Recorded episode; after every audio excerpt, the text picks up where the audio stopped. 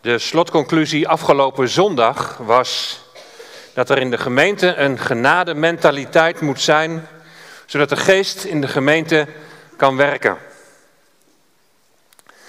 Nou, dat ga ik vandaag en uh, zondag verder uitwerken. Het onderwerp genade past natuurlijk uitstekend bij Goede Vrijdag en bij Pasen. Nou, we hebben al gelezen over het lijden en sterven van de Heer Jezus. En we gaan nu lezen Genesis 42 vanaf vers 25. Genesis 42 vanaf vers 25.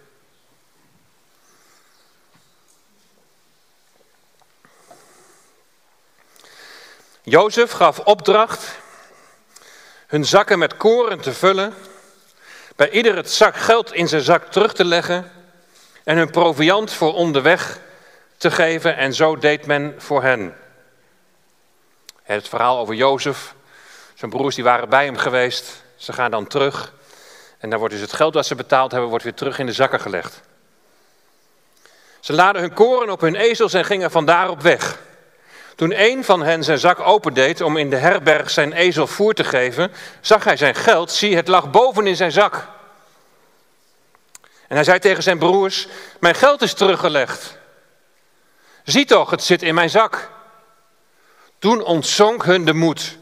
En bevend zeiden ze tegen elkaar, wat is dit dat God ons heeft aangedaan? En ze kwamen in het land Canaan bij hun vader Jacob en zij vertelden hem al wat hun overkomen was. En dan ga ik verder naar vers 35. En het gebeurde toen ze hun zakken leegmaakten, zie iedere, ieders geldbuidel zat in zijn zak. Ze zagen hun geldbuidels, zij en hun vader, en ze werden bevreesd. Toen zei Jacob hun vader tegen hen, jullie beroven mij van kinderen. Jozef is er niet meer, Simeon is er niet, nu willen jullie Benjamin ook nog meenemen. Al deze dingen zijn tegen mij. Tot zover. We willen eerst een zegen over de verkondiging. Vader in de hemel, we danken u voor uw woord. Heer, we danken u, Heer, dat we daar zo uit mogen lezen en het ook mogen overdenken. Wilt u leiden door uw Heilige Geest. Heer, wilt u maar tot onze harten spreken. Wilt u helpen bij het ontvangen. Zoals we aan het begin hebben gebeden, dat alle andere stemmen in ons mogen zwijgen. Dat we ons mogen richten op wat u tot ons te zeggen heeft. wilt u ook helpen bij het spreken, Heer. Wilt u leiden door uw geest in Jezus' naam. Amen. Eerlijk gezegd had ik gedacht dat ik het verhaal van Jozef, de serie van Jozef, vanavond even zou moeten laten rusten. Het is Goede Vrijdag. En Goede Vrijdag, dan sta je stil bij het lijden en het sterven van de Heer Jezus. Zoals ik al bad, het grote keerpunt in de geschiedenis. De kern van Gods verlossingsplan. Als er verlossing nodig is, dan betekent dat dat je vastzit. Je moet bevrijd worden. De mens die zich van den beginnen al van God heeft afgekeerd, die leeft vanaf dat moment onder de invloedssfeer van Satan, die op dat moment de overste van deze wereld wordt genoemd. En de eerste mens en al zijn nakomelingen, die zitten van nature gevangen in de macht van de zonde en gaan daardoor zondigen. De mens is geneigd tot het kwade. Het hart is arglistig omdat de mens zonder God leeft. En dan is er verlossing nodig. Er is, er is vergeving nodig. Er is vergeving nodig om de relatie met God de Vader weer te herstellen. En daar heeft de mens geen oplossing voor gevonden. Dat was en is voor de mens ook onmogelijk. Het is God zelf die naar de mensen is toegekomen in zijn zoon. En zijn zoon is de verlosser. Zijn zoon is de redder. Zijn zoon is de bevrijder, het volmaakte offerlam. Hij droeg jou en mijn schuld. Dat is genade. Dat is genade mentaliteit. Als je na wil denken over wat genade mentaliteit is, dan moet je beginnen bij Hem die vol van genade en vol van waarheid is. We gaan dus stilstaan, dat zal jullie niet verbazen, bij de volmaakte genadegever.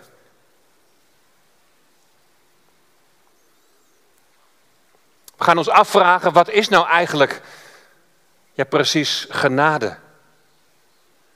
Ik had dus gedacht het verhaal van Jozef even te moeten laten rusten, maar het stukje van de geschiedenis van Jozef dat we hier hebben gelezen, dat past uitstekend bij deze avond. En past uitstekend bij dat thema van genade, genade mentaliteit. Het is een prachtige illustratie om te laten zien hoe Gods reddingsplan in zijn werk gaat. We zullen zien hoe God in relatie tot verlossing zijn genade aanbiedt. Zowel vanavond als ook zondag, eerste paasdag, wil ik dus die betekenis van genade verder gaan uitwerken. Samen ontdekken, wat is nou eigenlijk genadementaliteit? En misschien heb je alles wel verstandelijk op een rijtje hoe het zit met Gods genade en hoe het zit met zijn verlossing. Maar is het ook echt iets van het hart geworden? Dat het niet alleen vanavond maar is van ja, een stuk van traditie om op Goede Vrijdag dan naar de kerk te gaan. Maar dat er echt dat hele bewustzijn is in je, de weg die Jezus gegaan is, om verlossing te brengen. Is het een zaak van het hart geworden? In hoeverre heb je Gods genade aanbod echt in ontvangst genomen? En als je dat hebt aangenomen, hoe blijkt dan uit je leven, uit je leven dat je leeft, dat je door genade bent gered? Heb je dan ook een genade mentaliteit?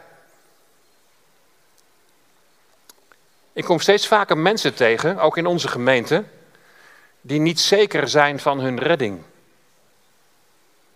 En ze bedoelen dan dat ze er niet zeker van zijn of het na dit leven met hen wel goed zit. Of ze wel behouden zijn. En die onzekerheid die, die kan behoorlijk wat onrust geven van binnen. Zeker als je ouder wordt. Of als je, als je weet dat je misschien niet zo lang meer te leven hebt. Steeds maar die onzekerheid. Geen blijde hoop voor de toekomst. We zijn ermee begonnen met, met dat prachtige lied. Er is, er is hoop. Maar wat als je die zekerheid niet hebt? En het heeft niet alleen, die onzekerheid heeft niet alleen gevolgen voor de toekomst, maar het heeft ook gevolgen in het hier en nu.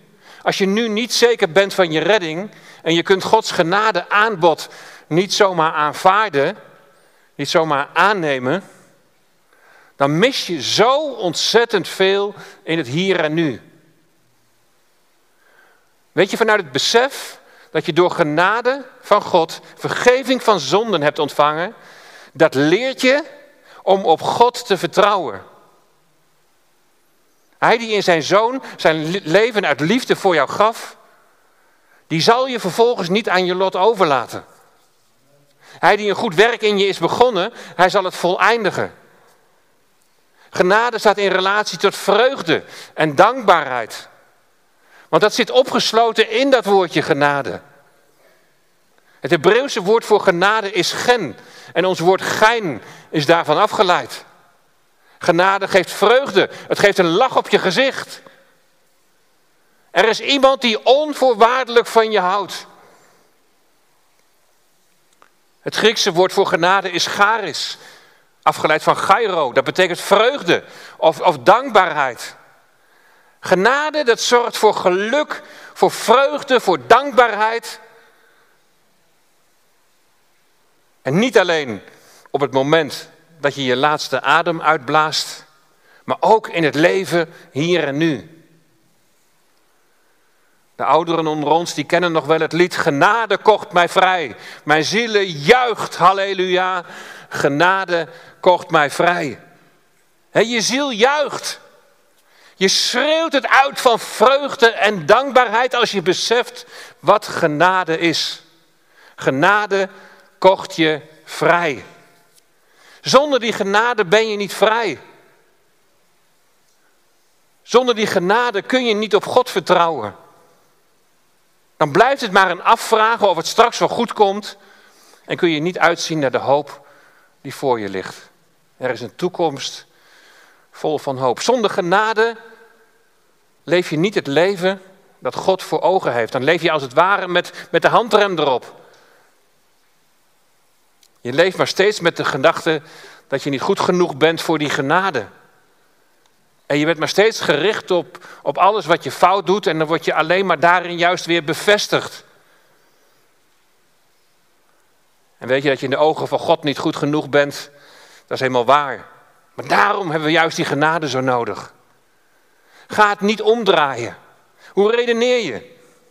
Ik ben niet goed genoeg en daarom is die genade van God niet voorbij. Of ik ben niet goed genoeg, maar gelukkig, God zij dank, genade voor mij. Genade maakt je vrij. Maar kun je die genade dan zomaar toepassen op jezelf, is dan stevast de vraag. Is die genade ook voor mij? En wat is dan precies genade? Ik zei net al dat het verhaal van Jozef dat we net hebben gelezen daar een prachtige illustratie van is. De broers van Jozef die laden hun koren op hun ezels en gaan dan onderweg naar huis. Dit koren, dat is hun redding. Ze zullen niet van de honger omkomen. Wat ze niet weten, is dat Jozef het geld dat ze hebben betaald heeft terug laten leggen in die zakken.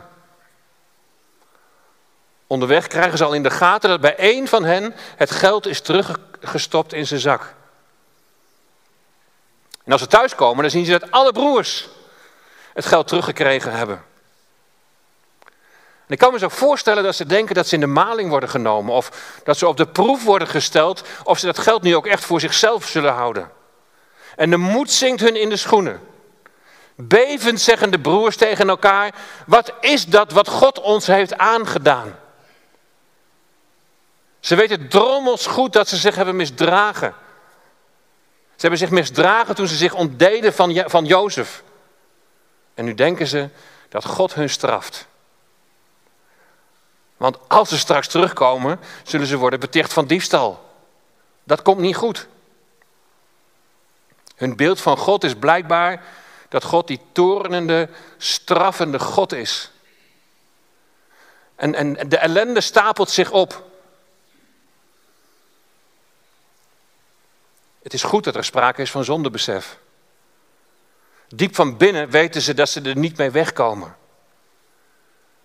Het verkopen van Jozef als slaaf zal hen hun leven lang achtervolgen als ze dit niet rechtzetten. Maar wat moeten ze nu? En misschien zit je wel in hetzelfde schuitje. Er zijn dingen misgegaan in je leven. Je hebt fouten gemaakt. En de ellende die stapelt zich op. Is er voor mij nog wel redding mogelijk? Is er nog wel genade voor mij? Wat die broers niet weten, maar wij nu wel, dat is dat God achter de schermen aan het werk is. Jozef is al vooruitgestuurd. De redder die ervoor zal zorgen dat ze niet van honger zullen omkomen. Terwijl zij denken aan veroordeling, bereidt God een weg van redding voor. De broers hebben zich keurig gedragen tegenover de onderkoning van Egypte. Ze zijn tot de erkenning gekomen dat ze schuldig zijn vanwege hun broer. Ze hebben het alleen nog niet tegen Jozef gezegd. Dat kon natuurlijk ook nog niet, omdat ze hem niet herkenden. Maar Jozef, die heeft het wel gehoord. Maar komen ze nu tot het inzicht, alleen vanuit angst, hoe God hier nu volgens hen op reageert door alles wat hun overkomt? Of is er werkelijk berouw naar Jozef? Naar Jozef persoonlijk? Is er echt sprake van een hartsverandering bij zijn broers? Dat moet nog blijken. In de komende hoofdstukken zullen ze daartoe op de proef worden gesteld. Is hun berouw oprecht? Willen ze werkelijk afrekenen met hun verleden? Hoe moet het nu verder? Ze waren naar Egypte gegaan om hun redding en Jozef, hun broer, bleek hun redder te zijn. Alleen ze weten het nog niet. Ze hebben alles keurig betaald. Maar ze hebben het weer retour ontvangen. Dus hebben ze niet betaald. En dan is er onrust. Nou, als je in de Heer Jezus, of in Jozef nu een type van de Heer Jezus ziet. En je ziet in de gebeurtenissen een voorafschaduwing van wat later gaat gebeuren. Ja, dan is het niet zo ingewikkeld. Zoals de broers naar Jozef gingen, maar hem niet herkenden, zo hadden de broers De Joden hadden contact met Jezus, maar ze herkenden hem niet. Ze herkenden hem niet als de Messias, als de redder, als de gezalfde van God. Hun geestelijke rituelen die gingen vaak gepaard met het geven van geld. Het geven van het eerste van je veestapel. De eerste oogst van je landbouwgrond. Er was een levendige handel in offerdieren. Je moest steeds weer betalen. Niks voor niks. De broers van Jozef moesten, uiteraard, ze moesten betalen voor het koren. Maar wat is dan de les voor de broers als het geld weer in hun zakken zit? Ze zijn gered, ze hebben weer genoeg te eten, maar ze hebben er niet voor betaald. De boodschap is dan het volgende. Je kunt je redding niet verdienen. En daarom hoef je er niet voor te betalen. Je kunt er helemaal niet voor betalen. Dat is genade. Dat je iets krijgt wat je niet hebt verdiend. Sterker nog, de schuld die is voor jou betaald. Als de broers voor de tweede keer bij Jozef komen, willen ze via de man die over Jozefs huis, over Jozefs huis ging, die willen ze het geld uit de zakken weer terugbetalen. Je hebt het plaatje denk ik al wel gezien, dat hij op een gegeven moment zo staat. Ze staan daar met hun geldbundel. Nee. En weet je wat deze man zegt? In Genesis 43, vers 23. Hij zei, vrede zij u. Wees niet bevreesd. Uw God en de God van uw vader heeft u een schat in uw zakken gegeven. Uw geld heeft mij bereikt. Prachtig is dat, hè? Dat doet me denken aan Romeinen 3. Waar eerst in vers 23 staat dat alle mensen hebben gezondigd en de heerlijkheid van God missen. Dat betekent, je kunt niet in Gods heilige tegenwoordigheid komen, omdat je een zondaar bent. Maar dan komt in vers 24 zo duidelijk naar voren hoe je bent gered. Je bent om niet gerechtvaardigd door zijn genade. Door de verlossing in Christus Jezus. Om niet betekent gratis. Om niet betekent voor niks. Je hebt er niet voor kunnen betalen. En wat krijg je dan gratis en voor niks? Wat krijg je door zijn genade, door de verlossing in Christus Jezus? Dat je wordt gerechtvaardigd. Wat is het eigenlijk? Gerechtvaardigd worden. Want dat is het geschenk wat je in ontvangst mag nemen. Hebt het misschien wel eens meegemaakt dat je een cadeautje kreeg, dat je eerst nog even zat te kijken van, ja, ja fijn hoor, dankjewel, maar wat, wat, wat is het nou eigenlijk precies? Weten we wat we in ontvangst nemen door genade? Dat is dat je gerechtvaardigd wordt. Uit vers 23 blijkt duidelijk dat je schuldig staat tegenover God. Alle mensen hebben gezondigd. En omdat God volmaakt rechtvaardig is, gaat Hij recht spreken over jouw zonde. Zonder de Heer Jezus ben je dan reddeloos verloren. Maar wat zegt de rechter in de rechtszaal bij zijn vonnis als, hij, als jij in Jezus gelooft? Er is voor jouw schuld betaald. Wat zegt de rechter? Ik heb voor jouw schuld betaald. De Heer Jezus is jouw rechter en Hij is jouw redder. Ik spreek je vrij. Ik verklaar je rechtvaardig. In Christus door zijn offer rechtvaardig verklaard. En die schuld die is betaald toen de Heer Jezus stierf aan het kruis. Aan het kruis waar Hij zei, het is volbracht. Niet een gedeelte, maar de volle prijs. Eerst vond één broer de buidel met geld in zijn zak. Is die genade dan toch voor de enkeling en niet voor mij? Maar dan gaan ze verder onderweg naar huis.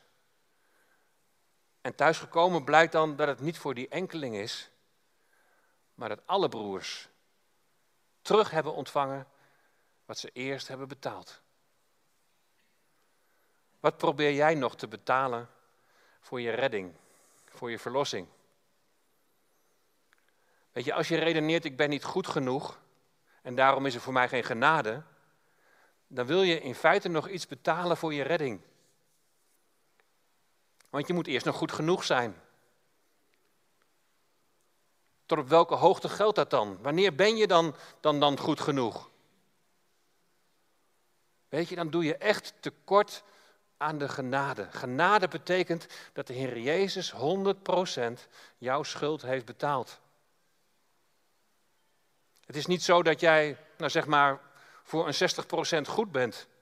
En dat Jezus het aanvult tot 100%. Even de boel een beetje oppoetsen en aanvullen. Nee, zo werkt dat niet. Hij restaureert je niet. Hij maakt je helemaal nieuw. Genade wist het verleden uit. Dat is ook een aspect van die genadementaliteit. Waar God met onze zonde heeft afgerekend, mogen wij elkaar niet meer afrekenen op ons verleden. Want we kennen elkaar als gelovigen niet meer naar het vlees, maar we kennen elkaar naar de geest. Dat is genadementaliteit. Het besef dat ik genade net zo hard nodig had als jij. En jij had de genade net zo hard nodig als mij. We gaan elkaar niet het verleden nadragen, maar we zien elkaar in de geest. Door Gods genade zijn we één en verheft de een zich niet boven de ander. Er heeft zo'n ongelofelijke verandering plaatsgevonden toen jij en ik het genade aanbod van God hebben aanvaard. Geloven in Jezus Christus, dat betekent dat jouw oude ik sterft. Ik zei het al, een radicale verandering. Geloven in Jezus Christus betekent dat je met Hem aan het kruis bent gegaan. In Galaten 2, vers 20 lezen we: Ik ben met Christus gekruisigd en niet meer ik leef, maar Christus leeft in mij. Dat zegt Paulus, dat schrijft hij aan de Galaten. Maar dat geldt ook voor jou en mij. Lees het eens voor jezelf. Laat het eens even binnendringen. Ik ben met Christus gekruisigd en niet meer ik leef, maar Christus leeft in mij. Christus leeft in mij. Christus leeft in jou, broeder, zuster. Dus hoe zouden we elkaar ons oude leven kunnen nadragen? Dat leven toen je, toen je de Heer Jezus nog niet kende. Dat doen we niet, dat is genadementaliteit. Genade ook voor jou. Als je, als je vindt dat je eerst zelf nog tot een bepaald niveau moet opklimmen, dan redeneer je als iemand die nog van de wet verlossing verwacht. En de Galaten die redeneerden net zo, door toch nog op de wet te vertrouwen in relatie tot hun verlossing. En dan schrijft Paulus in Galaten 2, vers 21, ik doe de genade van God niet teniet. Want als er gerechtigheid door de wet zou zijn, met andere woorden, als je door het houden van de wet zou kunnen worden gered, dan was Christus te vergeefs gestorven. Als je vindt dat je eerst nog tot een bepaald niveau moet opklimmen, doe je tekort aan het sterven van Jezus Christus aan het kruis van Golgotha. Dan wil je eigenlijk nog iets toevoegen aan wat Hij voor jou heeft gedaan. Dat is een ander evangelie. Wat een genade dat Zijn sterven garant staat voor mijn sterven aan mezelf. Wat een genade dat ik niet hoef op te klimmen tot een bepaald geestelijk niveau om zodoende acceptabel voor God te zijn. Wat een genade dat mijn niet acceptabel zijn is gekruisigd. Aan het kruis genageld en teniet gedaan. Wat een genade dat ik niet hoef te betalen en dat ik niet kan betalen. Al mijn pogingen om te betalen lopen op niets uit. Het komt zo weer retour.